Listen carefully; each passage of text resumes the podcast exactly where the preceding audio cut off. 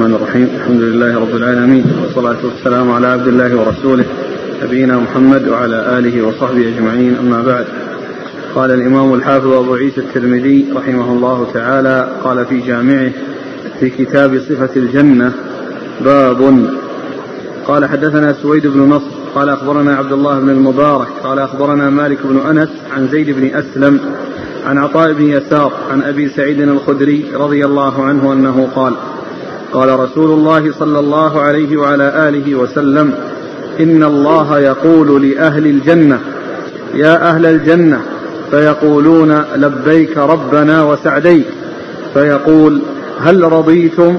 فيقولون ما لنا لا نرضى وقد أعطيتنا ما لم تعط أحدا من خلقك فيقول أنا أعطيكم أفضل من ذلك قالوا أي شيء أفضل من ذلك؟ قال أحل عليكم رضواني فلا أسخط عليكم أبدا. قال أبو عيسى هذا حديث حسن صحيح. الحديث اللي قبله شو؟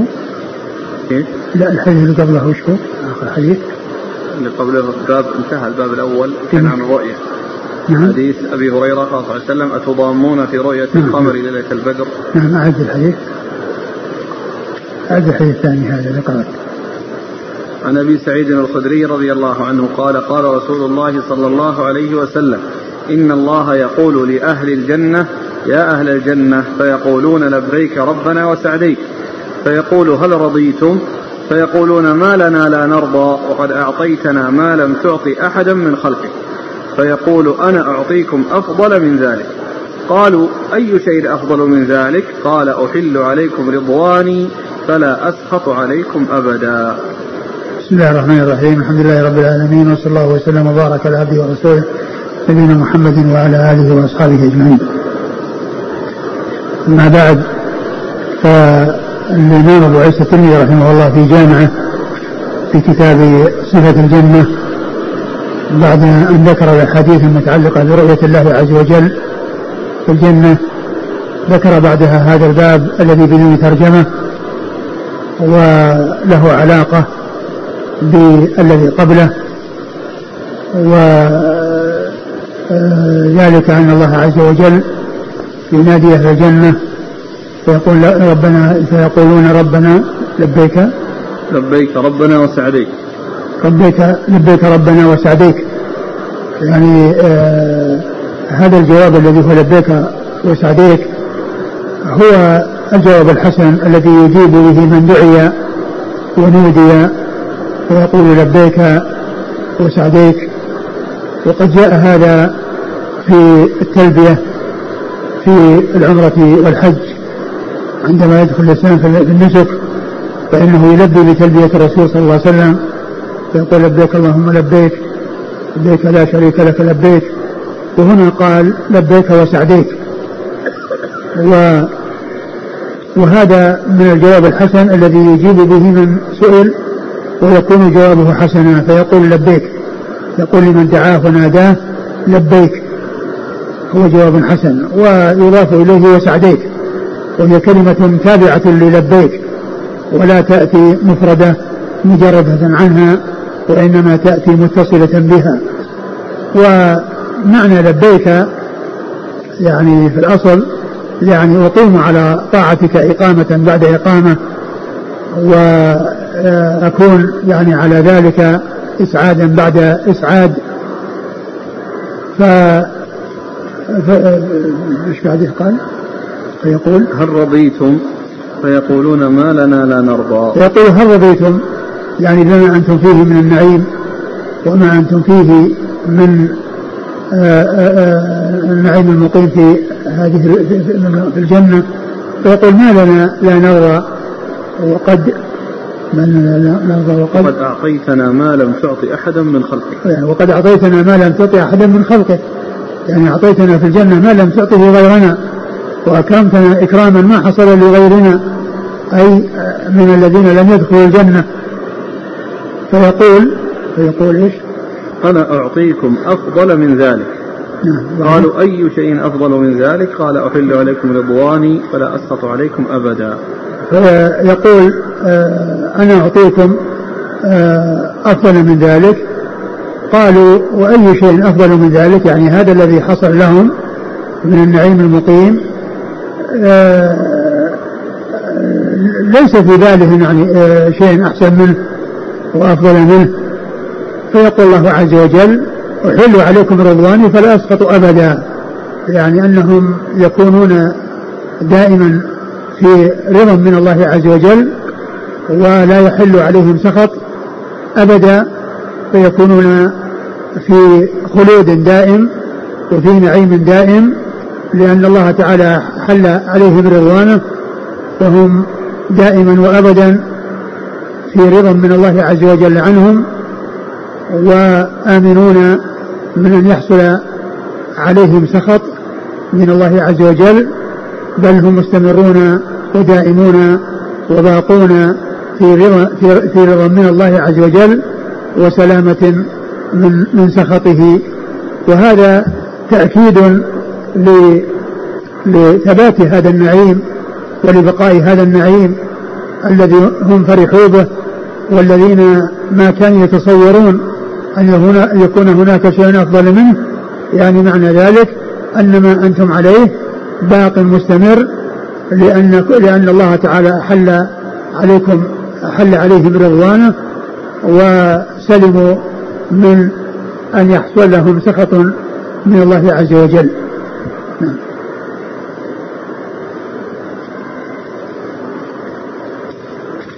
قال حدثنا سويد بن نصر سويد بن نصر المروزي ثقة أخرجه الترمذي والنسائي. عن عبد الله بن المبارك. عبد الله بن المبارك المروزي ثقة أخرجه أصحاب الكتب الستة. عن مالك بن أنس. هو إمام دار الهجرة المحدث الفقيه أحد أصحاب المذاهب الأربعة المشهورة من مذاهب أهل السنة وحديثه أخرجه أصحاب الكتب الستة. عن زيد بن أسلم. زيد بن أسلم ثقة أخرجه أصحاب الكتب الستة. عن عطاء بن يسار. عطاء بن يسار ثقة أخرجه أصحاب الكتب الستة. عن أبي سعيد الخدري. أبي سعيد الخدري سعد بن مالك بن سنان رضي الله تعالى عنه وهو ممن أكثر الرواية عن رسول الله صلى الله عليه وسلم يقول هل في حديث أبي سعيد هذا دلالة على أن رضوان الله وعدم سخطه على على العباد أفضل من الرؤية؟ من المعلوم أن الرؤية أن الرؤية هي من رضوان الله لأن رضوان الله عز وجل عليهم أن يبقون أن يبقوا في هذا النعيم وأكمل نعيم يحصل لهم رؤية الله عز وجل. ف ولهذا المصنف رحمه الله جعل هذا بعد باب الرؤية لأنه له علاقة بالرؤية.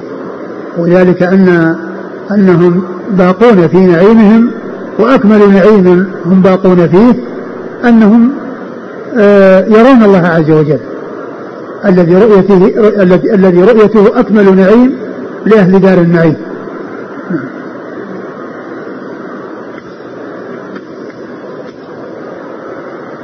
قال رحمه الله تعالى باب ما جاء في ترائي أهل الجنة في الغرف. قال حدثنا سويد بن نصر قال أخبرنا عبد الله بن المبارك قال أخبرنا فليح بن سليمان عن هلال بن علي عن عطاء بن يسار عن أبي هريرة رضي الله عنه عن النبي صلى الله عليه وعلى آله وسلم أنه قال إن أهل الجنة لا يتراءون في الغرفة كما تتراءون الكوكب الشرقي. أو الكوكب الغربي الغارب في الأفق والطالع في تفاضل الدرجات. فقالوا يا رسول الله أولئك النبيون. قال بلى والذي نفسي بيده وأقوام آمنوا بالله ورسوله وصدقوا المرسلين. قال أبو عيسى هذا حديث حسن صحيح. ثم أورد أبو عيسى هذه الترجمة باب في ترائي أهل الجنة في الغرف أي أنهم أي أن أهل الجنة متفاوتون في الدرجات.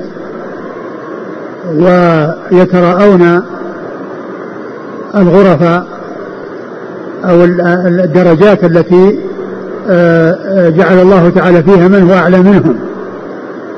جعل الله تعالى فيها من هو أعلى منهم.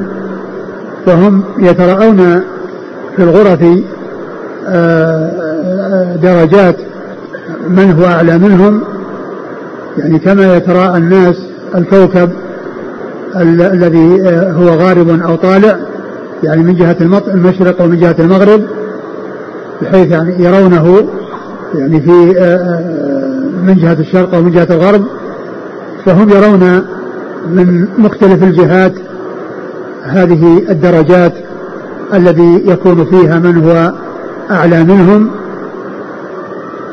قال كما أنهم يتراءون الدرجات الذين هو أعلى منهم كما ترى كما تراءون الكوكب الذي في السماء سواء كان ترونه من جهة الغروب أو من جهة المشرق من جهة الطلوع.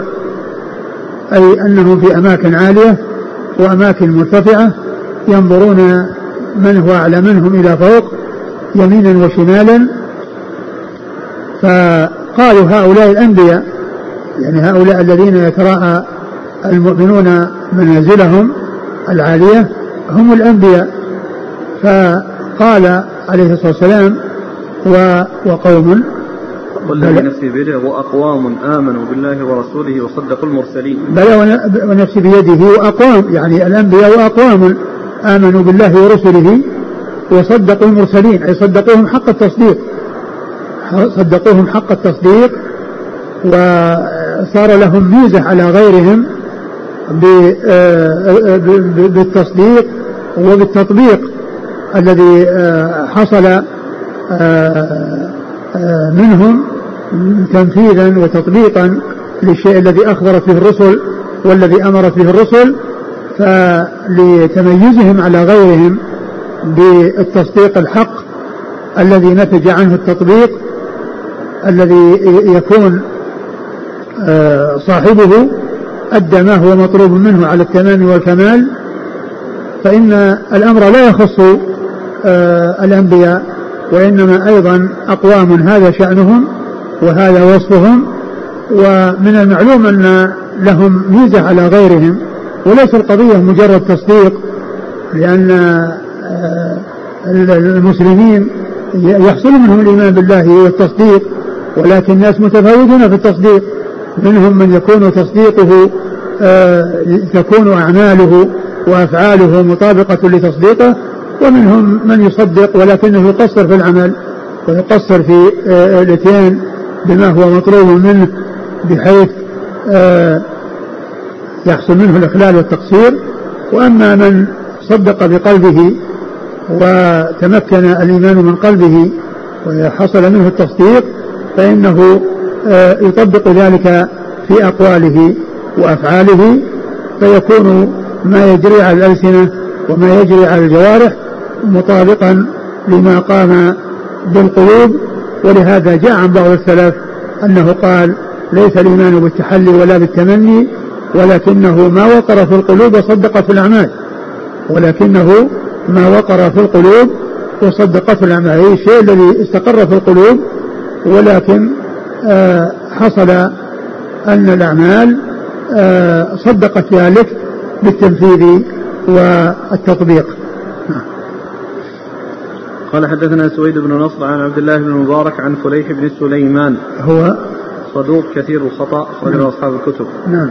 عن هلال بن علي. وهو؟ ثقة أخرج أصحاب الكتب. نعم. عن عطاء بن يسار عن أبي هريرة. نعم. عطاء بن يسار مر ذكره وأبو هريرة. عبد الرحمن بن صخر الدوسي رضي الله عنه أكثر الصحابة حديثا. قال رحمه الله تعالى باب ما جاء في خلود أهل الجنة وأهل النار. قال حدثنا قتيبة قال حدثنا عبد العزيز بن محمد عن العلاء بن عبد الرحمن عن أبيه عن أبي هريرة رضي الله عنه أن رسول الله صلى الله عليه وعلى آله وسلم قال يجمع الله الناس يوم القيامة في صعيد واحد. ثم يطلع عليهم رب العالمين فيقول ألا يتبع كل إنسان ما كانوا يعبدونه؟ فيمثل لصاحب الصليب صليبه ولصاحب التصاوير تصاويره ولصاحب النار ناره فيتبعون ما كانوا يعبدون. ويبقى المسلمون فيطلع عليهم رب العالمين. فيقول فيقول ألا تتبعون الناس؟ فيقولون نعوذ بالله منك. نعوذ بالله منك. الله ربنا هذا مكاننا حتى نرى ربنا وهو يأمرهم ويثبتهم. ثم يتوارى ثم يطلع فيقول ألا تتبعون الناس؟ فيقولون نعوذ بالله منك نعوذ بالله منك. الله ربنا وهذا مكاننا حتى نرى ربنا وهو يأمرهم ويثبتهم. قالوا وهل نراه يا رسول الله؟ قال وهل تضارون في رؤية القمر ليلة البدر؟ قالوا لا يا رسول الله. قال فإنكم لا تضارون في رؤيته تلك الساعة. ثم يتوارى ثم يطلع فيعرفهم نفسه. ثم يقول أنا ربكم فاتبعوني. فيقوم المسلمون ويوضع الصراط فيمرون عليه مثل جياد الخيل والركاب. وقولهم عليه سلم سلم. ويبقى أهل النار فيطرح منهم فيطرح منهم فيها فوج. ثم يقال هل امتلأت؟ فتقول هل من مزيد. ثم يطرح فيها فوج. فيقال هل امتلأت؟ فتقول هل من مزيد. حتى إذا أوعبوا فيها وضع الرحمن قدمه فيها وأزوى بعضها إلى بعض. ثم قال قط. قالت قط قط. فإذا أدخل الله أهل الجنة الجنة وأهل النار النار قال أتي بالموت ملببا. فيوقف على السور الذي بين أهل الجنة وأهل النار. ثم يقال يا أهل الجنة فيطلعون خائفين. ثم يقال يا أهل النار فيطلعون مستبشرين يرجون الشفاعة. فيقال لأهل الجنة وأهل النار هل تعرفون هذا؟ فيقولون هؤلاء وهؤلاء قد عرفناه هو الموت الذي وكل بنا فيضجع فيذبح ذبحا على السور الذي بين الجنة والنار. ثم يقال يا أهل الجنة خلود لا موت ويا أهل النار خلود لا موت. قال أبو عيسى هذا حديث حسن صحيح. ثم ورد أبو عيسى رحمه الله باب في خلود أهل الجنة والنار. أي خلود أهل الجنة في الجنة وخلود أهل النار بالنار وذلك أن آه، من دخل الجنة فإنه يخلد فيها إلى غير نهاية. كل من دخلها كل من دخلها فإنه يخلد فيها إلى غير نهاية. سواء دخلها من أول الأمر كالذين يدخلون الجنة بغير حساب ولا عذاب أو الذين يدخلونها في ثاني الحال وهم الذين عذبوا في النار وهم من أهل الإيمان والتوحيد ثم أخرجوا منها وأدخلوا الجنة. فإن كل من دخل الجنة يستمر فيها إلى غير نهاية سواء كان دخلها من أول وهلة أو دخلها فيما بعد ذلك. كل من دخلها فإنه يخلد فيها.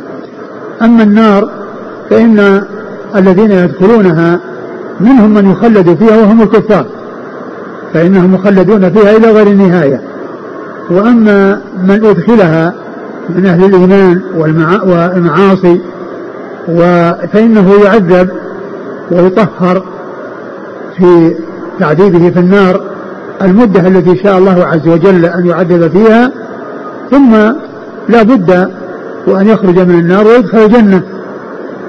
ولا يبقى في النار إلا الكفار الذين هم أهلها والذين لا سبيل لهم إلى الخروج منها. فهم باقون فيها أبد الآباد إلى غير نهاية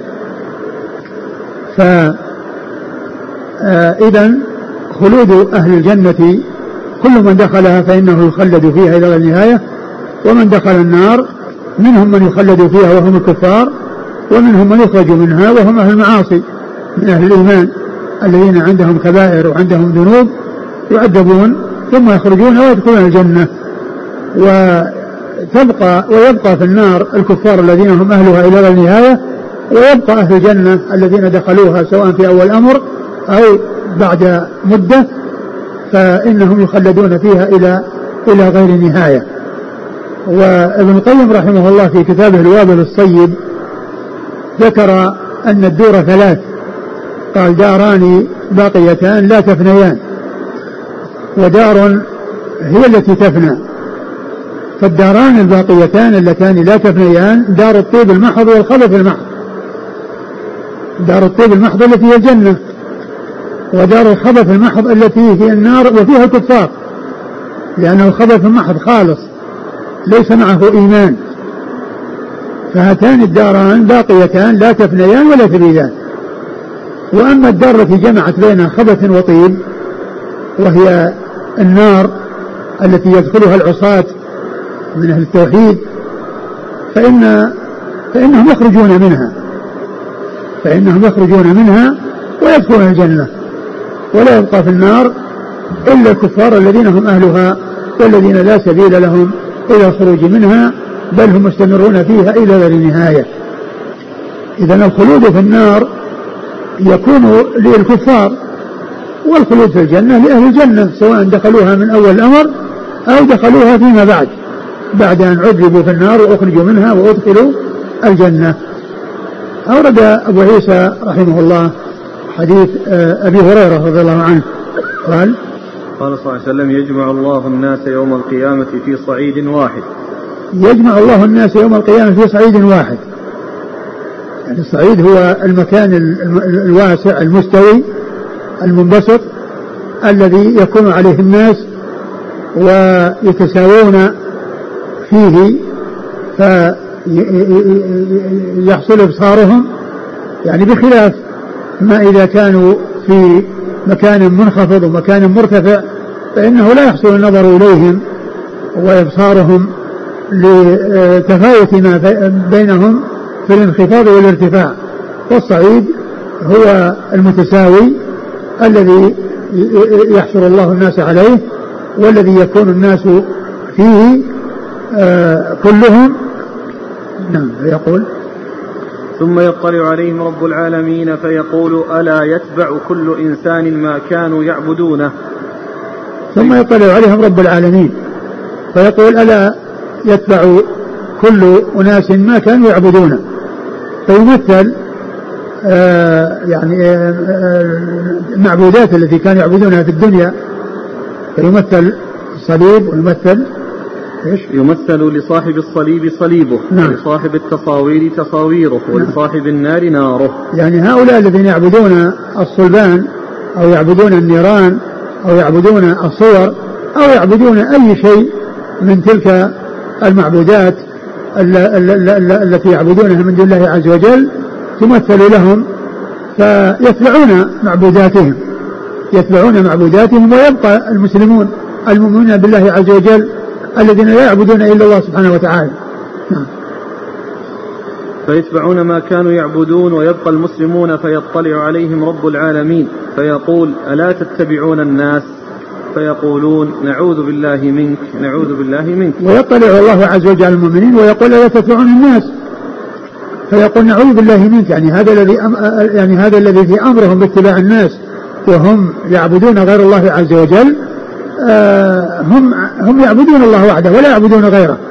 ولهذا فإنهم آه، ينتظرون ربهم حتى يعني حتى يتبعوه وحتى يسيروا وفقا لما يأمرهم به وما يبينه لهم. وأما أولئك فإنهم لا يعبدون الله عز وجل واتبعوا معبوديهم واتبعوا معبوديهم فيذهبون إلى النار ويقعون في النار. نعم. فيقولون نعوذ بالله منك نعوذ بالله منك. الله ربنا هذا مكاننا حتى نرى ربنا وهو يأمرهم ويثبتهم لأنه لأنهم تعودوا من كونهم أمروا باتباع هؤلاء المعبودات التي هي من دون الله. وهم إنما يعبدون الله وحده وهم لا يريدون أن يتبعوا غير الله عز وجل. نعم. وهو يأمرهم ويثبتهم. ثم يتوارى ثم يطلع فيقول ألا تتبعون الناس؟ فيقولون نعوذ بالله منك نعوذ بالله منك الله ربنا وهذا مكاننا حتى نرى ربنا. وهو يأمرهم ويثبتهم. وهذا تكرار للذي قد حصل. نعم. قالوا وهل نراه يا رسول الله؟ وهو, وهو يأمرهم ويثبتهم يثبتهم بأن يكونوا على الحق وعلى الهدى وأنهم لا يتبعون غير الله عز وجل ولا يسلكون آه، مسالك هؤلاء الذين آه، آه، أشركوا بالله وعبدوا غير الله عز وجل. نعم. قالوا يا قالوا وهل نراه يا رسول الله؟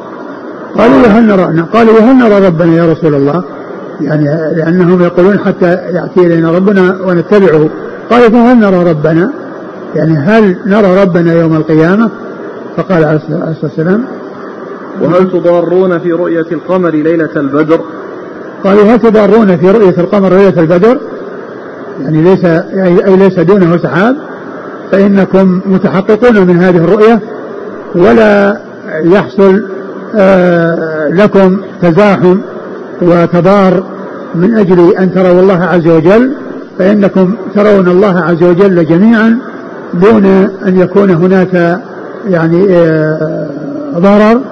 على أحد منكم لأن الله عز وجل آه، يراه الجميع وكل يراه دون أن يكون هناك ضرر في آه، أو تضار لحصول أو لتحصيل رؤيته سبحانه وتعالى. قالوا وهل تضارون في رؤية القمر ليلة البدر قالوا لا يا رسول الله. قال فإنكم لا تضارون في رؤيته تلك الساعة. يعني تلك الساعة التي يطلع عليكم وترونه فإن فإنكم كما أنكم ترون القمر ولا تضارون في رؤيته وكل منكم ينظر إلى القمر ويراه دون تزاحم ودون تضار فيما بينكم فإن هذه الرؤية المحققة في الدنيا آه، آه، يحصل لكم رؤية الله عز وجل في الدار الآخرة رؤية محققة دون تضار في فيما بينكم ودون آه، أن يحصل تزاحم لرؤية الله عز وجل.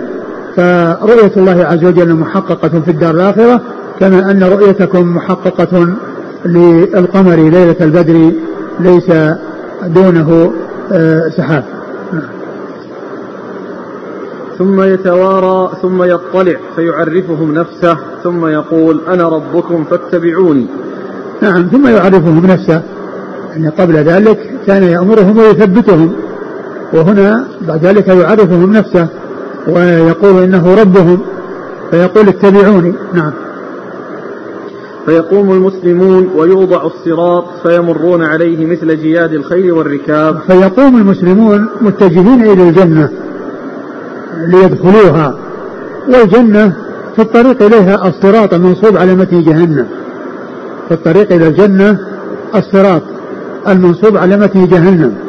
ولا يصل أحد إلى الجنة إلا بالمرور على الصراط. فالناس يذهبون إلى الجنة مارين بالصراط المنصوب على متن جهنم. ومن شاء الله عز وجل أن يقع من المسلمين من, من المعاصي فإنه يقع في النار ويعذب ولكنه لا يخلد فيها بل يخرج منها بعد ذلك ويدخل الجنة. والناس يتفاوتون في مرورهم على الصراط بحسب تفاوتهم في الأعمال. فمنهم من يكون كالبرق ومنهم من يكون كالريح ومنهم من يكون كجود الخيل ومنهم من يكون دون ذلك. نعم. وقولهم عليه سلم سلم. وقولهم عليه يعني قول الرسل يعني هم الذين على الصراط يقولون اللهم سلم سلم. يعني يدعون الله عز وجل ويشفعون لأممهم بأن تسلم أو بأن يسلموا من الوقوع في النار لأنهم مارون عليه في طريقهم الجنة. فهم يسألون الله عز وجل السلامة لأممهم حتى يواصلوا السير والوصول إلى الجنة وأن لا يقعوا في النار. وهذه آه وهذه الشفاعة هي الشفاعة لمن استحق النار ألا يدخلها. الشفاعة لمن استحق النار ألا يدخلها لأنهم إنما يشفعون لمن آه هو مستحق للنار ولكن يسأل الله عز وجل أن يسلمه من دخول النار وأن يتجاوز النار ويمر على الصراط فيصل إلى الجنة. نعم. ويبقى ولهذا جاء في الحديث في بعض الأحاديث الصحيحة ودعوى الرسل يومئذ اللهم سلم سلم. نعم. ويبقى أهل النار فيطرح منهم فيها فوج ثم يقال هل امتلأت؟ فتقول هل من مزيد. ثم يطرح فيها فوج فيقال هل امتلأت؟ فتقول هل من مزيد. وأهل النار يلقون في النار. وكلما ألقي فيها فوج يعني وهي تقول هل من مزيد فلا تزال تقول ذلك وهي يلقى فيها أفواج حتى يضع رب العزة فيها قدمه فينزوي بعضها إلى بعض وتقول قط قط يعني حسبي حسبي يعني أنها لا تريد زيادة على ذلك. نعم. حتى إذا أوعبوا فيها وضع الرحمن قدمه فيها وأزوى بعضها إلى بعض ثم قال قط قالت قط قط. حتى أوعبوا فيها يعني إذا أدخلوا فيها كلهم أي كل أهل النار أدخلوا فيها وهي تطلب المزيد يضع رب العزة فيها قدمه فتقول قط قط يعني حسبي حسبي يعني لا تريد أكثر من ذلك ولا تريد زيادة على على ما حصل آه، لها. وفي هذا إثبات صفة القدم والرجل لله عز وجل وهي من صفات الله عز وجل الذاتية التي يجب الإيمان بها والتصديق وأن كل ما جاء عن الله وعن رسوله صلى الله عليه وسلم من صفات الله عز وجل سواء كان صفات ذاتية كاليدين وكالعينين وكالرجل وكالوجه فإن هذه صفات ذاتية وكذلك صفات الأفعال كالنزول والاستواء وما إلى ذلك كل ما ورد في كتاب الله عز وجل وسنة رسوله صلى الله عليه وسلم من الصفات يجب الإيمان به على الوجه اللائق بكمال الله وجلاله دون تحريف أو تأويل أو تعطيل ودون تشبيه أو تكييف أو أو تمثيل بل على آه، بل إثبات مع تنزيه بل يكون الإثبات مع التنزيه على حد قول الله عز وجل ليس كمثله شيء. وهو السميع البصير فإنه في هذه الآية الكريمة أثبت السمع والبصر لنفسه ونفى مشابهته لخلقه فله سمع لا كالأسماع وبصر لا كالأبصار بل هو اللائق بكمال الله وجلاله ولا يشبهه أحد من خلقه ولهذا فإن أهل السنة والجماعة توسطوا في باب الصفات بين المشبهة المثبتة المشبهة وبين النفاة المعطلة. ف فإنهم أي أهل السنة والجماعة أثبتوا ونزهوا. والمشبهة أثبتوا وشبهوا. والمعطلة نفوا وعطلوا. وأهل السنة أثبتوا ونزهوا. أثبتوا كما في قوله هو السميع البصير ونزهوا كما في قوله ليس كمثله شيء فجميع صفاته كلها يقال فيها ما قيل في السمع والبصر في هذه الآية أي أنه له وجه كالوجوه لا كالوجوه ويدان لا كالأيدي ورجل لا كالأرجل وسمع لا كالأسماع وبصر لا كالأبصار وهكذا كل جميع الصفات تثبت لله عز وجل على ما يليق بكماله سبحانه وتعالى نعم. إيش بعده؟ فإذا أدخل الله أهل الجنة الجنة وأهل النار النار قال أتي بالموت ملببا. فإذا أدخل أهل الجنة الجنة وأهل النار النار أي آه يعني بقي الكفار الذين هم أهلها ولا سبيل لهم للخروج منها وأهل الجنة في الجنة الذين هم خالدون فيها يؤتى بالموت ملببا يعني آه، آه، أي آه، يعني مأخوذا ب بالتلبيب مثل ما يحصل للملبب الذي تجمع ثيابه ويجر بها. يعني هذا هو التلبيب نعم. فيوقف على السور الذي بين أهل الجنة وأهل النار ثم يقال يا أهل الجنة فيطلعون خائفين. ثم يقال يا أهل النار فيطلعون مستبشرين يرجون الشفاعة. فيوضع يعني الموت وقد جاء في بعض الأحاديث أنه على صورة كبش أملح كما سيأتي. فيقال يا أهل النار يا أهل الجنة. فالكل آه، أهل الجنة آه، آه، أهل الجنة إيش؟ فيطلعون خائفين. يطلعون خائفين. خائفين من أن يخرجوا خائفين من الإخراج. وأولئك يطلعون راجين. أن يحصل لهم شفاعة في, في, في أن أن يخرجوا لأن أولئك يخشون الإخراج ولا يريدون الخروج. لا يريدون الخروج وإنما يخشون أن يخرجوا. وأما أولئك فهم يريدون الخروج.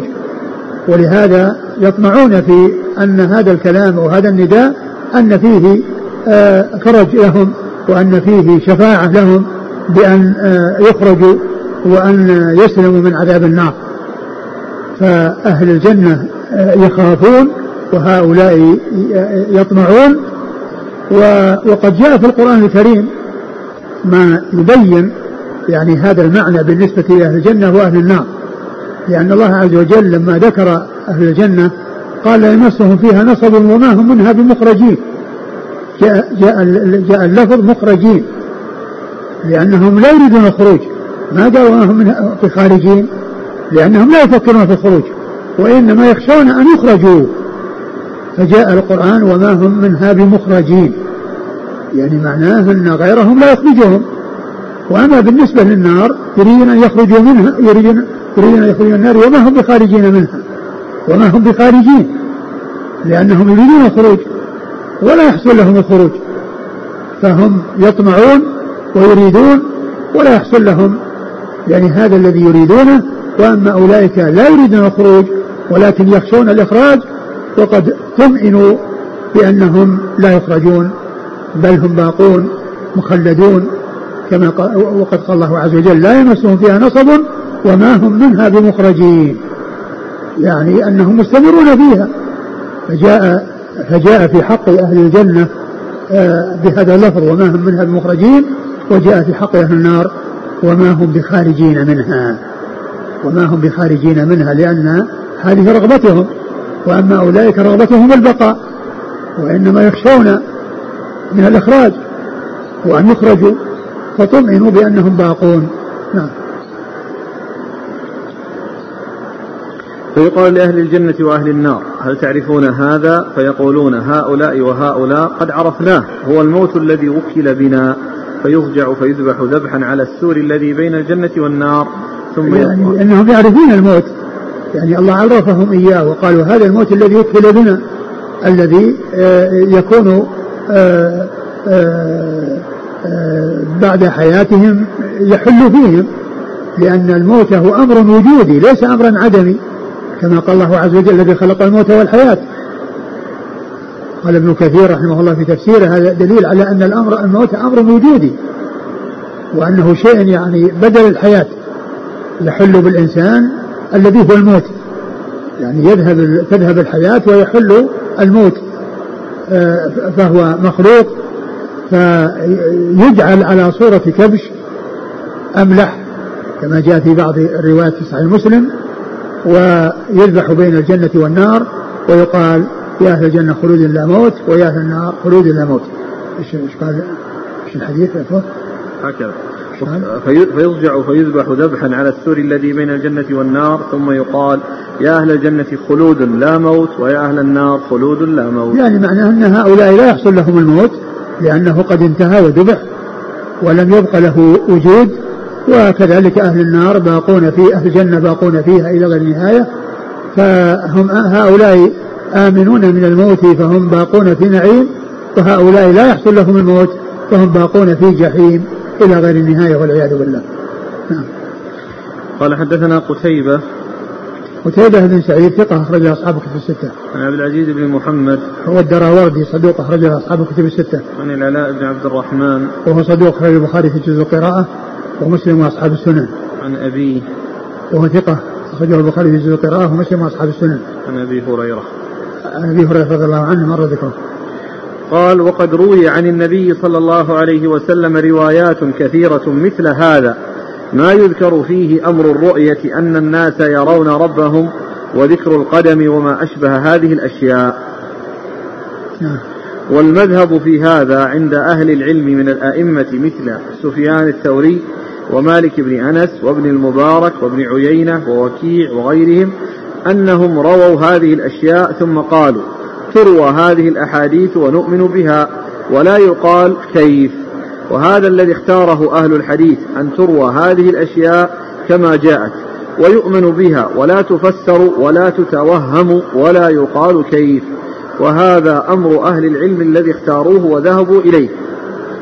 ومعنى قوله في الحديث فيعرفهم نفسه يعني يتجلى لهم. قال وقد روي عن النبي صلى الله عليه وسلم روايات كثيرة مثل هذا ما يذكر فيه أمر الرؤية أن الناس يرون ربهم وذكر القدم وما أشبه يعني هذا الحديث جاء فيه ذكر الرؤية وذكر القدم وكذلك جاء حديث أخرى في الصفات. وطريقة أهل السنة والجماعة الذين ذكر منهم آه، من ذكر من آه، سلف هذه الأمة أن طريقتهم أنهم يؤمنون بهذه النصوص التي جاءت في الصفات فيؤمنون بالصفات التي جاءت في النصوص ويصدقون بها و ولا يحصل منهم ما يحصل من أهل البدع الذين يؤولون أو يعطلون أو يشبهون ويمثلون بل يؤمنون بها ولا من غير أن يحصل منهم تعطيل أو تأويل لها ومن غير أيضا أن يحصل لهم تشبيه أو تكييف بان يقول هي كذا وكذا أو كيفيتها كذا وكذا. لأن هذا لأن لأن هذا من قبيل التشبيه. كون يقول صفة كذا وكذا وكذا هذا هو التكييف. والتشبيه أن يقول أن له وجه كوجوهنا ويد كأيدينا وهكذا. وأهل السنة والجماعة يثبتون لله عز وجل ما أثبت آه، آه، دون أن يتبعوا طريقة أهل البدع آه، المعطلين المؤولين المحرفين أو المشبهين الممثلين المكيفين بل عقيدة السنة مبنية على الإثبات والتنزيه. الإثبات الذي ليس معه تعطيل والتنزيه الذي ليس معه تمثيل وتشبيه. لأن كون أهل السنة مثبتة يعني ليس معطلة. لأن كونهم مثبتة سلموا من التعطيل. لأن المثبت غير معطل. لكن الإثبات ينقسم إلى قسمين إثبات مع تنزيه وإثبات مع تشبيه. والمشبهة أثبتوا وشبهوا فصاروا من جنس الذين عطلوا هؤلاء في جانب وهؤلاء في جانب. وأما أهل السنة فأثبتوا ونزهوا فهم مثبتة ليسوا معطلة وهم منزهة ليسوا مشبهة. فهم هم منزهة ليسوا مشبهة بل جمعوا بين الإثبات والتنزيه. ففارقوا المعطلة بكونهم أثبتوا وفارقوا المشبهة بكونهم نزهوا. فكانوا على المنهج القويم الذي دل عليه القرآن الكريم. في قوله تعالى ليس كمثله شيء وهو السميع البصير. ففي السميع إثبات فقول هو السميع البصير إثبات وقوله وهو ليس كمثله شيء تنزيه. أي له سمع لك الأسماع وبصر لك الأبصار وهكذا يقال في جميع الصفات. نعم يقول بعد ذلك؟ والمذهب في هذا عند أهل العلم من الأئمة مثل سفيان الثوري ومالك بن أنس وابن المبارك وابن عيينة ووكيع وغيرهم أنهم رووا هذه الأشياء ثم قالوا تروى هذه الأحاديث ونؤمن بها ولا يقال كيف. لا يقال كيف إنها تكيف يعني إن آه، صفة الرجل كذا وكذا وصفة الوجه كذا وكذا لأن هذا تكلم بغير علم لأن لأن لأن هذا من الغيب. هذا من الغيب الذي يعلمه الله عز وجل ولا يعلمه الناس. ولكنهم يعلمون الصفات ويعرفون الصفات ويعرفون معاني الصفات ولكنهم لا يعرفون كيفيتها. لا يعرفون كيفيتها. كما قال الإمام مالك بن أنس الاستواء معلوم والكيف مجهول. الاستواء معلوم والكيف مجهول. وهذا الذي اختاره أهل الحديث أن تروى هذه الأشياء كما جاءت ويؤمن بها ولا تفسر ولا تتوهم ولا يقال كيف. المقصود بأنها لا تفسر أي لا تفسر تفسير المبتدعة تفسير الجهمية وغيرهم الذين يفسرونها بأمور من تلقاء أنفسهم ويؤولونها بتأويلات ما أنزل الله بها من سلطان. فليس المقصود أنها يعني لا أنه لا يفهم معناها بل المعنى مفهوم لأن السمع معروف معناه والبصر معروف معناه والوجه معروف معناه وهكذا. كل صفة فهي معلومة ولكن الكيفية هي التي لا يجوز الدخول فيها ولا يجوز التعرض لها بل آه، فإن أهل السنة مفوضة في الكيف آه، مفوضون في الكيف لأن الكيفية الله تعالى أعلم بها هم لا يعلمون عنها شيئا. ولكن المعنى آه، معلوم لأنهم خوطبوا بكلام عربي مبين يعرفونه ويوضح ذلك قول مالك بن أنس الاستواء معلوم والكيف مجهول.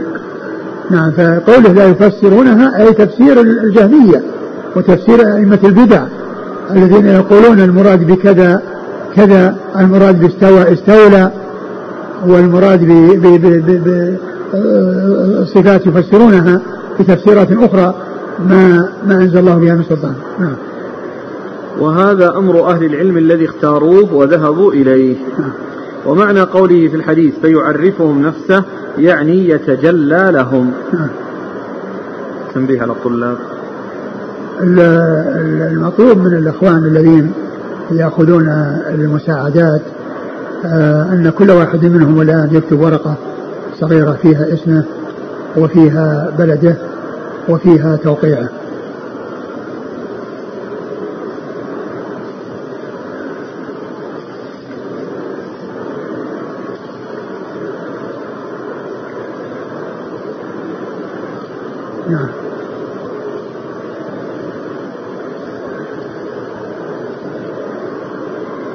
يقول السائل فضيلة الشيخ قوله عليه الصلاة والسلام فيقوم المسلمون ويوضع الصراط.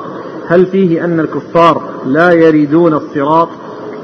نعم الكفار يقعون في النار لأنهم لا ليس لهم سبيل يعني يسيروا إلى الجنة لأنه ليس أمامهم إلا النار. هل قول سلم سلم خاص بالأنبياء والمرسلين؟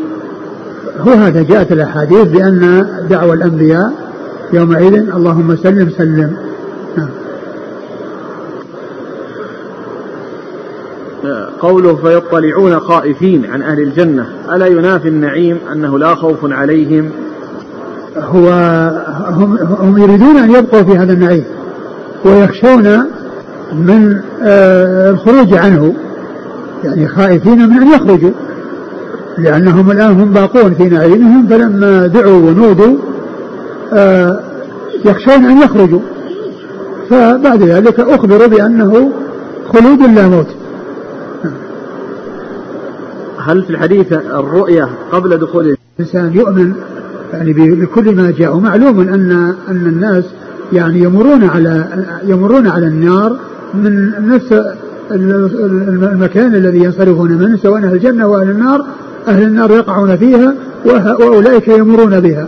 وبين الجنة بين النار والجنة آه، قنطرة آه، كما سبق أن مر يعني يقتص من بعض أهل الإيمان. من بعض و آه، كون ان هؤلاء يرون الله على كل شيء قدير كما أن الجنة تصل إلى أصحاب القبور في قبورهم الآن والنار تصل إلى أهل إلى أهل القبور في قبورهم ويفتح باب للجنه وباب للنار والناس لا يرون هذه الجنة ولا هذه النار هذه أمور غيب يجب التصديق بها دون أن يشغل الإنسان نفسه في أمور يريد أن تكون مطابقة لما يعرفه في هذه الحياة الدنيا. فإن أمور الآخرة تختلف عن أمور الدنيا. يقول فضيلة الشيخ يشعر كلام ابن القيم الذي ذكرته آنفا في تقسيم الدور إلى دار الخبث المحض والطيب المحض والثالث الذي جمع هذا وهذا يشعر أن العصاة نارهم غير نار الخلود فهل هذا الذي فهمته عنكم صحيح؟ نعم يعني يعني هم في مكان من النار آه لا يكون من من كان فيه مخلدا لأن النار كما هو معلوم أهل النار دركات بعضهم أنزل من بعض وهؤلاء يكونون في مكان من النار يخرجون منه ولا يبقى فيه ولا يبقى فيه من كان فيه الذين هم العصاة. قال حدثنا سفيان بن وكيع قال حدثنا أبي عن فضيل بن مرزوق عن عطية عن أبي سعيد رضي الله عنه يرفعه قال إذا كان يوم القيامة أتي بالموت كالكبش الأملح فيوقف بين الجنة والنار فيذبح وهم ينظرون فلو أن أحدا مات فرحا لمات أهل الجنة. ولو أن أحدا مات حزنا لمات أهل النار. قال أبو عيسى هذا حديث حسن صحيح. ثم أروي أبو عيسى هذا الحديث الذي فيه أنه يعني يؤتى بالموت على صورة كبش أملح ويذبح بين الجنة والنار. فأهل الجنة فأهل الجنة إيش؟ لو أن أحدا مات فرحا لمات أهل الجنة. لو أن أحدا مات فرحا لمات أهل الجنة ولو أن ما أحدا مات حزنا. حزنا لمات أهل النار. فالقسم الأول من الحديث هو صحيح. قد جاء في الصحيحين يعني كونه على كبش وأنه يذبح بين الجنة والنار وجاء في صحيح مسلم كبش أملح. يعني آه، وأما الزيادة التي جاءت بعد ذلك فهذه جاءت من هذا الطريق هذه الطريقة التي فيها ضعف. من جهة سفيان آه، سفيان بن وكيع ومن جهة عطية العوفي. نعم. قال حدثنا سفيان بن وكيع. نعم هو صدوق. في بوراقه نعم. سقط حديث أخرجه الترمذي وابن ماجه. نعم. عن أبيه. وهو ثقة أخرج أصحاب الستة. عن فضيل بن مرزوق. وهو صدوق يهم خرج البخاري في رفع اليدين ومسلم وأصحاب السنن. نعم. عن عطية. نعم وهو صدوق كثير البخاري في المفرد أبو داود الترمذي وابن ماجه نعم. عن أبي سعيد نعم. يرفعه. نعم.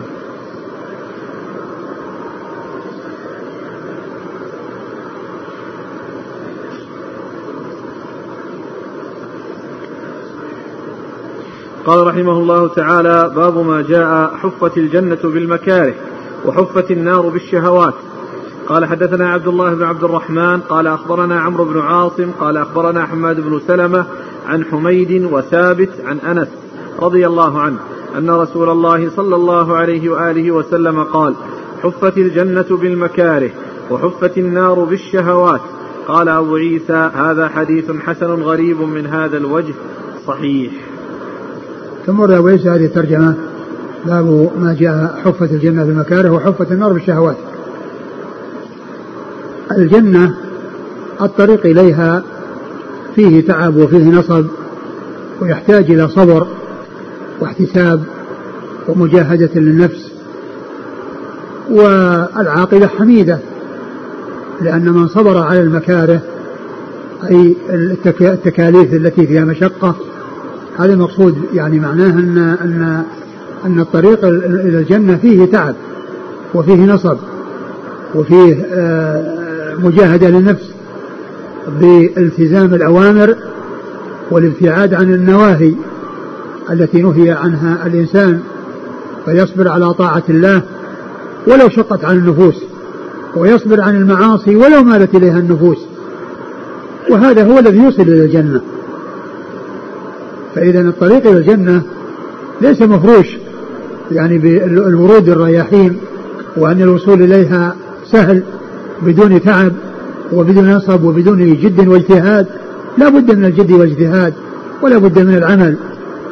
وهذا الذي آه، دون الجنة هو العمل. والعمل يعني يكون شاقا ويكون آه، تميل النفس إلى خلافه. فالإنسان مثلا على سبيل المثال إذا كان الإنسان في الشتاء وقد نام في فراش وثير ومكان دافئ ثم تلذذ في الفراش وطاب له النوم ثم يسمع الأذان لصلاة الفجر وفيها الصلاة خير من النوم. فمن الناس من يهب من فراشه ويقوم وهو مشتهي النوم وقد طاب له الفراش ولكنه دعي إلى ما هو خير من النوم. وهو الصلاة التي تنهى عن الفحشاء والمنكر والتي هي صلة وثيقة بين العبد وبين ربه ثم ثم يتوضأ وقد يكون الماء باردا والبرد شديدا قارسا ثم يتوضأ ويخرج إلى المسجد في شدة البرد. كل هذه من الأمور التي تكرهها النفوس ولا تميل إليها ولكن لما كانت في طاعة الله وكانت النتيجة السعادة والنتيجة آه، آه، الوصول إلى الجنة فإن الإنسان يصبر على هذه المكاره التي هي في الطريق إلى الجنة لأن النتيجة طيبة والعاقبة حميدة. بخلاف ذلك النار فإنها حفت بالشهوات حفت بالشهوات التي تميل إليها النفوس. فمما حرمه الله عز وجل من مثل الزنا والخمر وأكل المال بالباطل والربا وغير ذلك فإن النفوس آه، تشتهي مثل هذه الأمور. إذا لم يكن عندها رادع ولا زاجر فإنها تقع فيها وهذا هو الذي يوصلها إلى النار. وهذا هو الذي يؤدي بها إلى النار. فالنار حفت بالشهوات. فإذا أرخى لنفسه الإنسان لنفسه العنان وأقدم على ما حرمه الله عز وجل من التلذذ بفعل المحرم فعل الزنا أو بأكل المال الباطل سواء عن طريق السرقة أو عن طريق الرشوة أو عن طريق الربا أو عن طريق الاغتصاب أو ما إلى ذلك فإن ذلك يؤدي إلى النار. فالموفق هو الذي يصبر على الطاعات ولو شقت على النفوس ويصبر عن المعاصي ولو مالت إليها النفوس ويصبر عن المعاصي ولو مالت إليها النفوس لأنه إذا ما صبر لأنه إذا إذا ما صبر على الطاعات فإنه يقصر ولا يفعل ما أوجبه الله عليه فيستحق العذاب. وكذلك إذا أيضا إذا لم يصبر عن المعاصي بل أرخى لنفسه العنان فيها وأقدم على فعل هذه المحرمات التي حرمها الله وتلذذ فيها فإنها لذة عاجلة يعقبها حسرة ويعقبها ندامة. ولهذا فإن الطريق إلى الجنة فيه تعب وفيه نصب والموفق هو الذي يصبر في سلوك هذه الطريق. والطريق إلى النار محفوف بالشهوات وإذا أرخى لنفسه العنان الإنسان لنفسه العنان وأقدم على ما تشتهي نفسه الأمارة بالسوء وكذلك ما يريده الشيطان منه فإنه يفعل هذه الأمور التي توصله إلى النار وتؤدي به إلى النار والعياذ بالله. نعم. قال حدثنا عبد الله بن عبد الرحمن. هو الدارمي ثقة أخرجه مسلم وأبو داود والترمذي.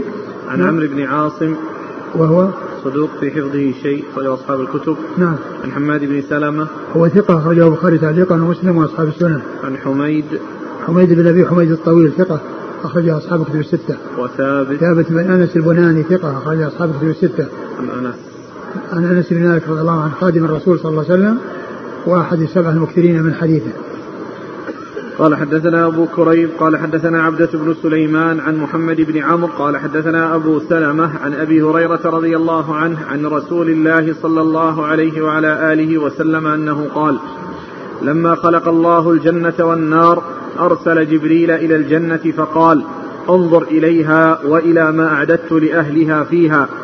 قال فجاءها ونظر إليها وإلى ما أعد الله لأهلها فيها قال فرجع إليه.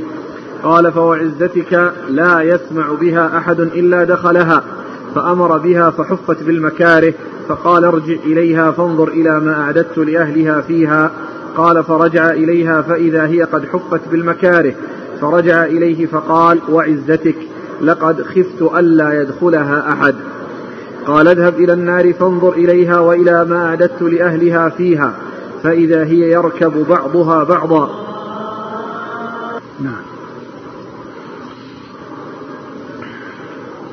قال اذهب إلى النار فانظر إليها وإلى ما أعددت لأهلها فيها فإذا هي يركب بعضها بعضا. فرجع إليه فقال وعزتك لا يسمع بها أحد فيدخلها. فأمر بها فحفت بالشهوات. فقال ارجع إليها. فرجع إليها فقال وعزتك لقد خشيت ألا ينجو منها أحد إلا دخلها. قال أبو عيسى هذا حديث حسن صحيح. ثم أبو عيسى هذا الحديث عن رسول الله صلى الله عليه وسلم أن الله لما خلق الجنة أرسل جبريل وقال انظر إليها وإلى ما أعددت لأهلها فيها.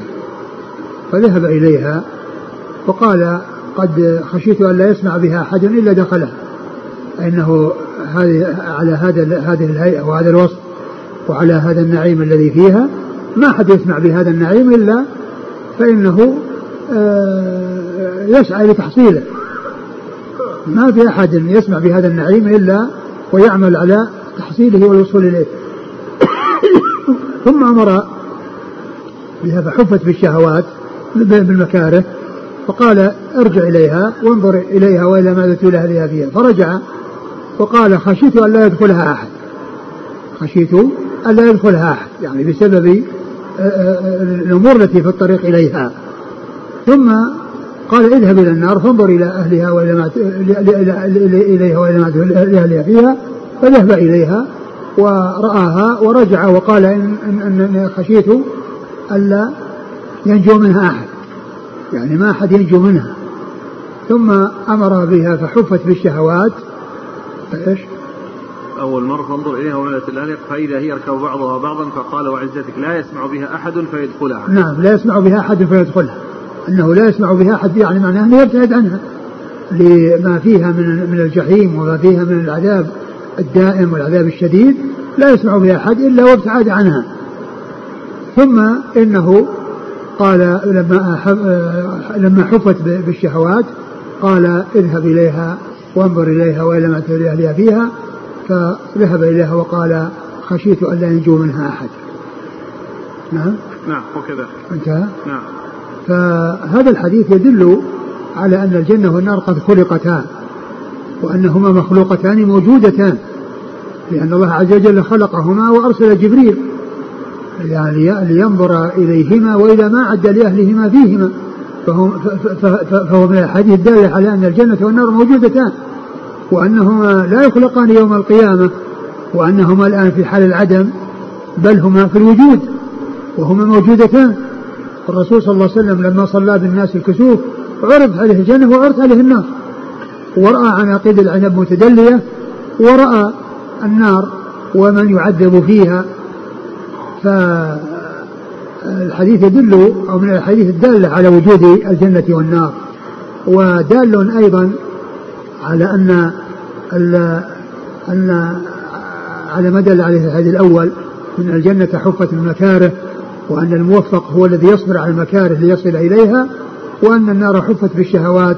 وأن الموفق هو الذي يصبر عن المعاصي ليسلم منها وينجو منها وأن الذي آه، آه، يرخي لنفسه العنان فيترك المأمورات ويقع في المحظورات فإن هذا يعمل آه، الأعمال التي توصله إلى النار وتجعله من أهلها والعياذ بالله نعم. قال حدثنا أبو كريب محمد بن العلاء بن كريب ثقة أخرجه أصحاب الكتب الستة. عن عبده بن سليمان وهو ثقة أخرجه أصحاب الكتب الستة. عن محمد بن عمرو وهو صدوق أخرجه أصحاب الكتب الستة. عن أبي سلمة هو بن عبد الرحمن بن عوف ثقة أخرجه أصحاب الكتب الستة. عن أبي هريرة نعم. انتهى باب ما جاء في احتجاج الجنة والنار. والله تعالى أعلم وصلى الله وسلم وبارك على عبده ورسوله نبينا محمد وعلى آله وأصحابه أجمعين. جزاكم الله خيرا وبارك الله فيكم. ألهمكم الله الصواب ووفقكم للحق. ونفعنا الله بما سمعنا غفر الله لنا ولكم وللمسلمين أجمعين. ورزقنا الفردوس.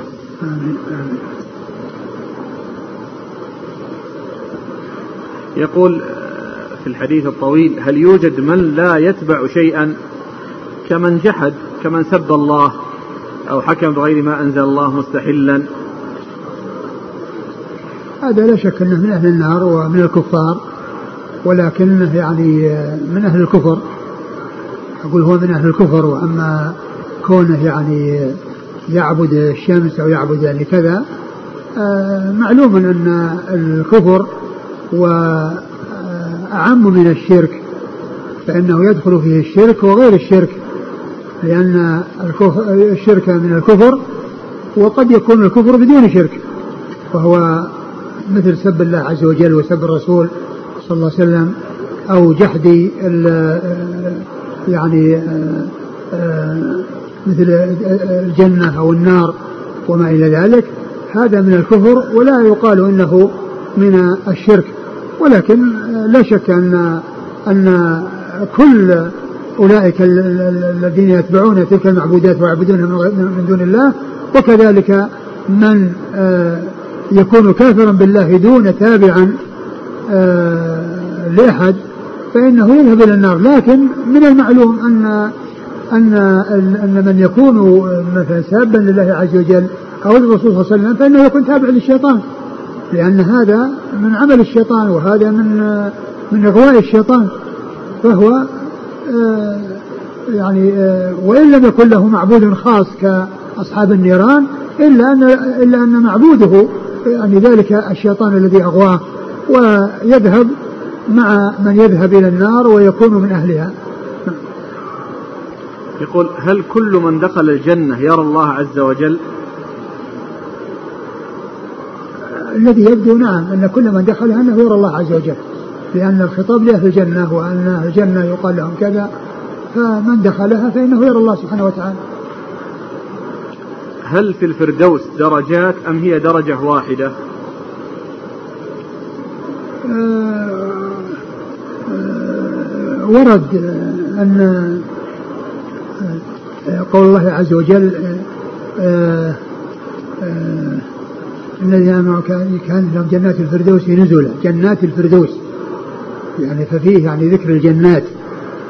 وأما كونه يعني درجات وكذا لا أدري لكنها كما جاء في القرآن جنات. يعني ليس جنة واحدة وإنما هو جنات.